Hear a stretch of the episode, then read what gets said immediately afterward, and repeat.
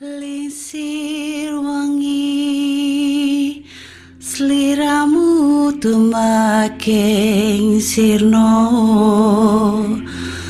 Ojo tangikan muguling Awas jok ngetoro. Aku lagi bang wingo wingo. Jin setan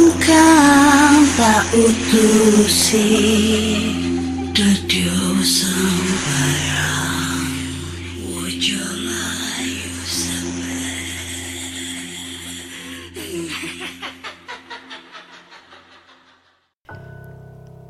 Hai Re, ya apa kabar Ketemu lagi dengan aku si Ana di podcast kisah horor. Kita bertemu di episode 256.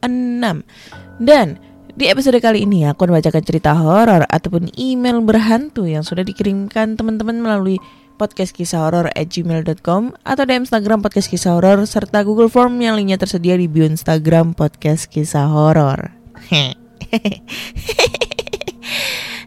Rana-rananya Kak Ana lagi seneng nih Iya emang lagi seneng ya Kenapa? Karena kemarin gue habis ketemu sama cinta lama tidak bersemi kembali.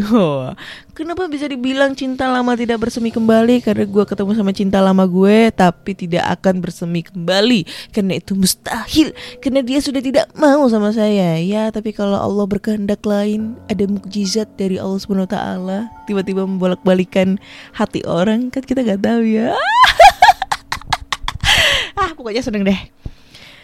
Terus sebelum kita bacain cerita horor nih gue juga mau ngasih tahu ke kalian kalau misalnya nih dari teman horor punya anak laki-laki gitu yang belum sunat terus takut ah mama aku takut sunat nih takut sakit sakit sakit sakit gitu kan. Atau mungkin ada teman horor nih yang udah gede wes kerang kurung sunat yo wedi disunat nih. Aku kasih tahu tempat rekomendasi buat sunat nggak sakit dan bisa langsung jadi satu hari ya sembuh satu hari. Namanya itu adalah Gria Kitan Kediri. Lokasinya itu di daerah Pare, tapi bisa melayani sunat delivery atau sunat di rumah di sekitar Kediri, Pare, Blitar, Tulungagung, Trenggalek dan sekitarnya ya, pokoknya daerah-daerah situ. Nah, banyak banget fasilitasnya, ada seperti hitan tanpa sealer atau langsung jadi, hitan klem, hitan flash cutter, hitan stapler, hitan bayi, hitan gemuk, hitan dewasa, hitan autis, hitan perbaikan. Jadi semua layanannya itu lengkap dan lokasinya itu berada di Jalan Sarinjing nomor 3 RT 1 RW 5 Wonosa Wono Asri Darungan Pare Kediri. Itu. Kalau misalnya teman-teman penasaran, pengen tahu lebih detailnya untuk fasilitas-fasilitasnya, kalian bisa langsung aja mampir ke official Instagramnya yaitu Ria Hitan Kediri. Nanti linknya aku uh, cantumin di description ya. Dan ini bisa kalian langsung klik gitu aja. Nanti kalau misalnya ditanyain Kana, eh Kak Anak, uh, misi Pak, Bu, saya dapet tahu ini tempat hitannya dari Kak Ana nih gitu. Bilang aja gitu nanti dapat promo, dapat potongan gitu kan, diskon. Karena yang punya itu kebetulan temen sekolah aku dulu waktu di farmasi. Terus dia buka usaha sama suaminya. Dan alhamdulillah uh, tempatnya itu terpercaya guys untuk hitan perhitanan, sunat persunatan. itu ya buat teman-teman tuh yang udah gede, udah udah tua tuh tapi belum sunat takut disunat bisa tuh langsung ke situ kalau misalnya takut atau malu bisa dipanggil ke rumah tapi kalau dipanggil ke rumah khusus wilayah daerah kediri dan sekitarnya ya tapi kalau misalnya kalian domisili di Surabaya, Mojokerto, di mana kalian bisa langsung datang aja ke kliniknya. Sehari ada yang langsung jadi kok. Tenang aja, terpercaya, setajam silet. Oke, okay, jadi tanpa berbasa-basi lagi langsung aja kita bacain cerita horor yang udah masuk ke email dan cerita pertama ini datang dari Cerita pertama ini datang dari Rido. Judulnya adalah Pengalaman Horor Pribadi. Hai Kak Ana, perkenalkan nama aku Rido. Saya saat ini tinggal di kota Medan, tanah kelahiran saya. Namun saya dibesarkan di kota Palembang. Berhubung bapak saya punya job di sana.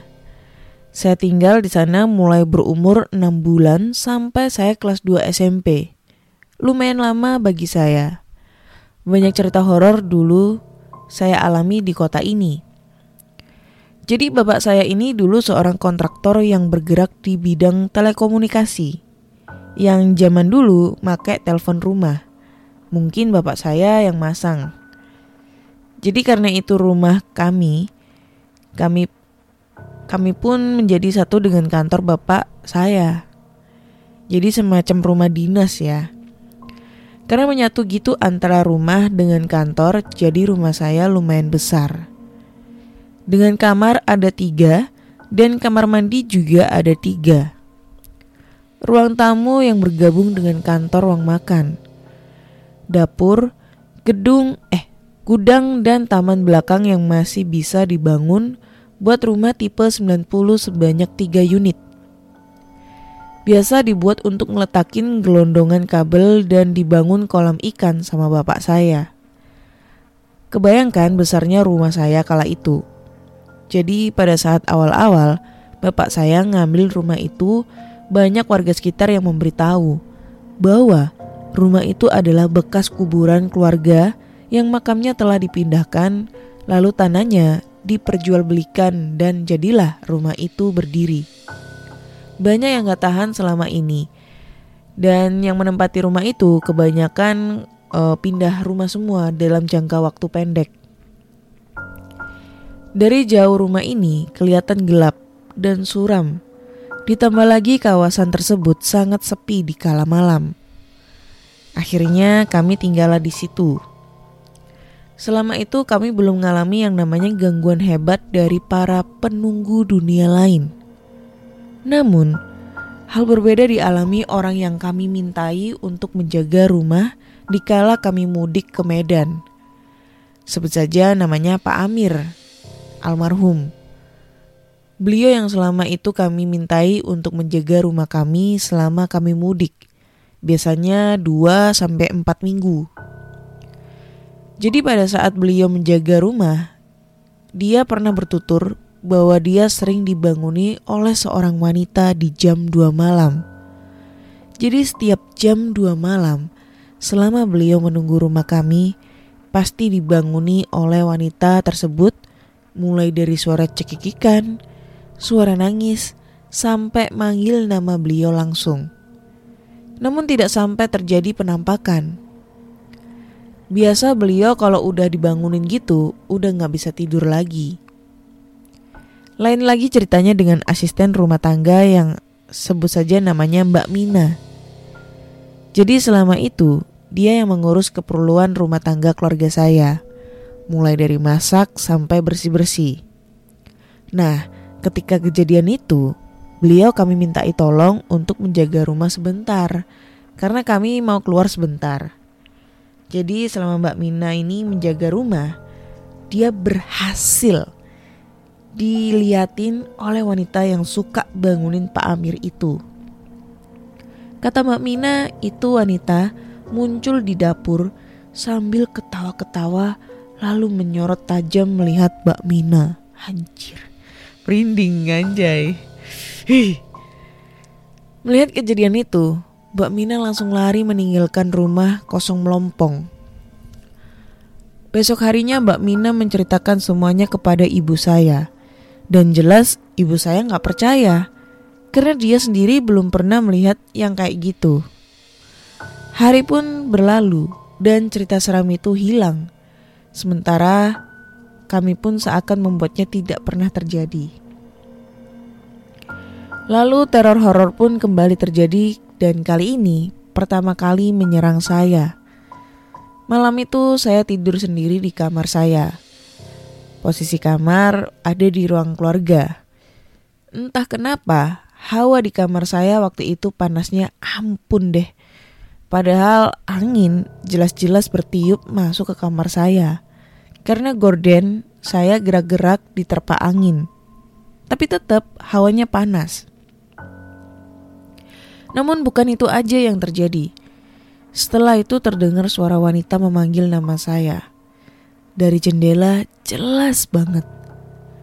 Rido, Rido, Rido Roma. Suara terdengar serak. Parau namun jelas terdengar di telinga saya. Sontak saya keringet dingin dan langsung teringat cerita Pak Amir yang diceritain tempo hari. Seakan tak peduli saya pun memaksakan menutup mata. Namun yang terjadi adalah gagang pintu kamar saya bergerak dengan sendirinya secara perlahan seakan ingin membuka son membuka. Sontak darah saya turun hingga ujung kaki. Siapa lagi yang mau ganggu malam gitu? Dan di situ udah jam 2 malam. Langsung saya loncat dari kasur berusaha membuka pintu kamar. Namun anehnya, pintu kamar itu sulit dibuka. Yang biasa gampang, tapi ini kayak macet, tapi akhirnya bisa dibuka.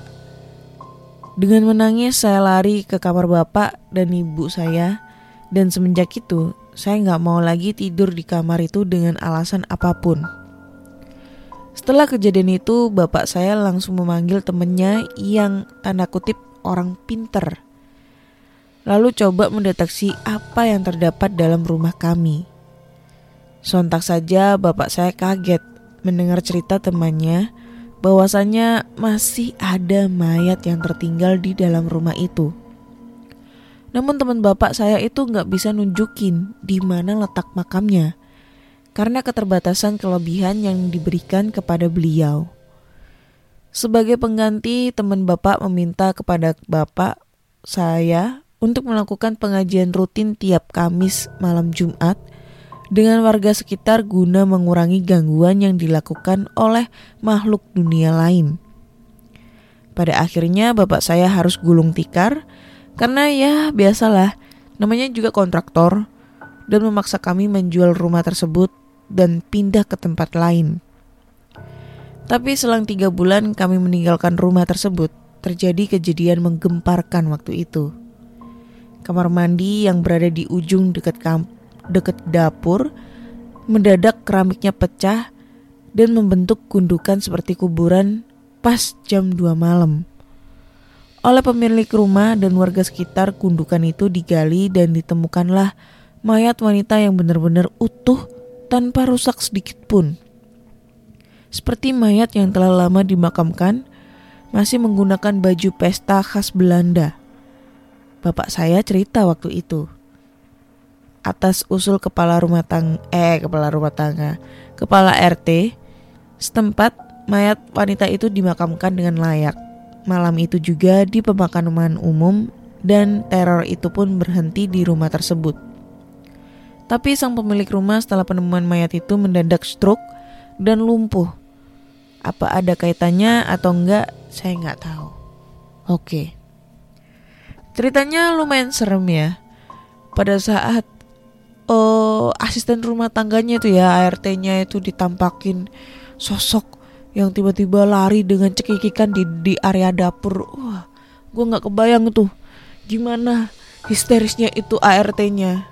Tapi endingnya yang ngebuat gue kayak, hmm, hmm, tiba-tiba muncul gundukan keramiknya pecah uh, dan terlihat sosok jenazah wanita. Eh itu bisa terjadi ya, mungkin karena tanahnya yang mulai apa ya, yang bisa dibilang itu kayak uh, naik gitu, sehingga ngebuat keramiknya pecah. Biasanya itu karena panas atau apa gitu. Aku gak tahu sih masalah uh, geografisnya kayak gimana. Cuma itu bisa terjadi karena kan beberapa akhir ini di Surabaya juga ada di daerah Pasar Kembang situ aspalnya itu tiba-tiba retak terus tanahnya itu jadi naik ke atas gitu. Itu bisa terjadi cuma kayak tiba-tiba muncul sosok jenazah perempuan utuh menggunakan wanita eh wanita menggunakan pakaian khas Belanda. Itu kayak membuat aku kayak uh, agak gimana gitu ya? Kayak, kayak gimana gitu loh? Kayak gimana gitu loh? Kayak bingung gitu tapi lumayan serem ceritanya lumayan serem dan ngebuat aku sedikit tiba-tiba agak merinding karena gue ngebaca cerita ini di jam 3 dini hari. Ya itu kalian tahu kan kalau gue biasanya ngebacain cerita horor atau ngebacain uh, rekaman podcast ini biasanya di tengah malam atau enggak udah masuk dini hari. Jadi kebayang tuh horornya gimana, merindingnya kayak gimana, apalagi di depan kamar itu yang biasanya tempat lalu lalang kuntilanak yang beredar itu lampunya mati guys. Gue malas untuk ganti lampunya. Dan posisinya kamar gue kebuka gitu, pintunya kebuka, jadi kelihatan tuh ke depan. Hmm, oke lanjut kita ke cerita kedua ya. cerita kedua ini datang dari siapa nih? Oh nih, Saiful Anam. Judulnya adalah Pengalaman Ibu. Halo sis Ana, salam kenal. Perkenalkan saya Anam dari Sidoarjo. Wah, deket nih. Dalam kesempatan ini saya mau cerita tentang pengalaman mistis yang dialami oleh ibu mertua saya sekitar tahun 90-an. Suatu ketika ibu mertua saya mendapatkan telepon dari saudara yang ada di Madiun. Yang mana mengabarkan bahwa ada saudara yang meninggal di sana. Telepon itu diterima oleh ibu di sore hari. Sehabis pulang mengajar dari sekolah. Dikarenakan hari itu di hari kerja, maka tidak ada yang bisa mengantar. Akhirnya ibu memutuskan untuk pergi sendiri. Beliau berangkat pada malam hari untuk mengejar waktu karena pagi harinya jenazah akan dimakamkan. Ibu berangkat dari terminal Bungurasi Sidoarjo ke Madiun dengan menggunakan bus malam. Kondisi terminal waktu itu cukup sepi karena jam sudah menunjukkan pukul hampir jam 10 malam. Beliau tidak naik dari dalam terminal tetapi di luar dekat dengan pintu keluar terminal di depan pohon waru yang saat ini jadi kantor dan gedung gudang garam. Oh ya, tahu gue. Dulu pada tahun 90-an, info dari ibu mertua, dari ini daerah ini cukup sepi dan tidak seramai sekarang. Setelah 10 menit menunggu, akhirnya ada bus yang melintas dan kebetulan dengan tujuan Jogja. Ibu tahu karena pada kaca depan terdapat tulisan Surabaya Jogja. Bus tersebut berhenti tepat di depan ibu. Tetapi anehnya, bus tersebut berhenti pas pada posisi pintu belakang persis di hadapan ibu. Setelah pintu terbuka, tampak sosok kondektur bus dengan perawakan kurus cuma memberi isyarat untuk duduk dan menutup pintu. Setelah masuk, ibu agak heran karena lampu bus hanya menyala di bagian belakang saja dan bagian tengah ke depan itu padam. Tanpa berpikir macam-macam, ibu akhirnya duduk di bangku belakang dekat pintu keluar. Beliau duduk sendirian di bangku itu. Kemudian membayar ongkos bus. Setelah menerima uang, sang kondektur berjalan ke arah depan bus dan lampu dimatikan. Setelah dimatikan, di dalam bus menjadi gelap, tapi masih ada cahaya dari jalan yang masuk ke dalam dan bisa melihat sekeliling bus. Beberapa saat ibu melihat sekeliling bus, sebenarnya bus itu sepi dan ada beberapa penumpang di depan. Ibu mertua saya akhirnya tertidur sekitar 10 menit setelah berangkat. Mungkin karena kecapean kali. Selama tertidur, beliau tidak merasakan sesuatu yang aneh. Akhirnya, beliau agak terkejut ketika dibangunkan oleh konduktor bus dan memberitahu kalau sudah sampai di Madiun. Setengah sadar karena bangun tidur beliau, eh, setengah sadar karena bangun tidur, beliau bergegas turun lewat pintu belakang dan bus itu terus melanjutkan perjalanan dan menghilang di kejauhan malam. Sesaat setelah turun, ibu tersadar. Loh, kenapa si kondektur tahu aku turun di sini ya? Padahal seingat beliau, ibu belum memberitahukan mau turun di mana. Bertanya-tanya sendiri dalam hati karena aneh banget. Setelah turun, beliau berjalan sedikit ke ujung jalan dekat gerbang kampung atau desa. Dan kebetulan ada warung yang masih buka waktu itu. Agak heran sih, seharusnya warung tersebut sudah tutup. Pada saat sebelum berangkat, ibu sengaja telepon saudara yang ada di Madiun untuk jemput sekitar jam 2 dini hari. Di sekitar warung itu. Heran, karena saudara belum datang waktu itu. Beliau melihat jam tangan dan kaget pas melihat jam tangannya masih menunjukkan pukul 22 lewat 40. Yang seharusnya menunjukkan pukul 2 dini hari.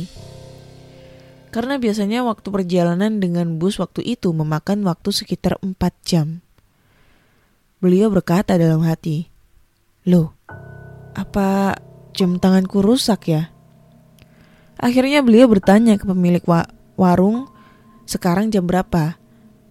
Pemilik warung menjawab, jam 11 kurang seperempat mbak. Ibu mertua saya merasa ada yang aneh dengan perjalanan itu. Bagaimana mungkin perjalanan yang biasanya memakan waktu berjam-jam itu hanya ditempuh dalam waktu singkat? Apakah ada sesuatu yang tidak wajar terjadi di perjalanan itu? Sahabat, sampai saat ini beliau tidak tahu nama PO bus tersebut dan hanya ingat bagian belakang bus tersebut berwarna merah.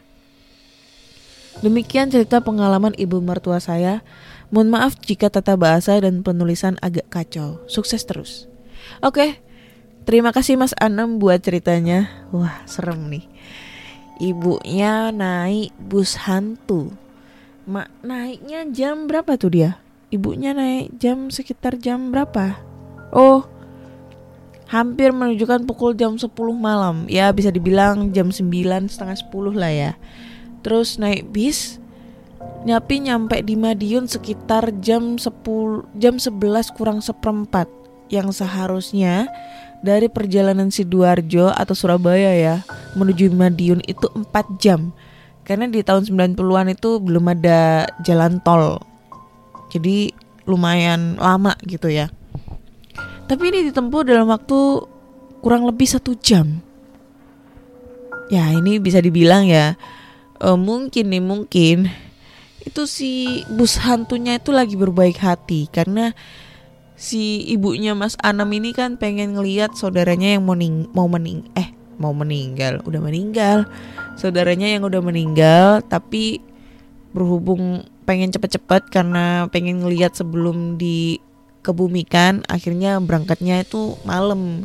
Dan karena mungkin ya mungkin ya karena insting si hantu ini pengen ngebantu si ibunya Mas Anam supaya biar cepet nyampe gitu loh biar bisa ngelihat uh, kondisi jenazahnya bisa ngelihat untuk terakhir kalinya akhirnya diberi kesempatan untuk nyampe apa ya cepet nyampe di daerah Madiun.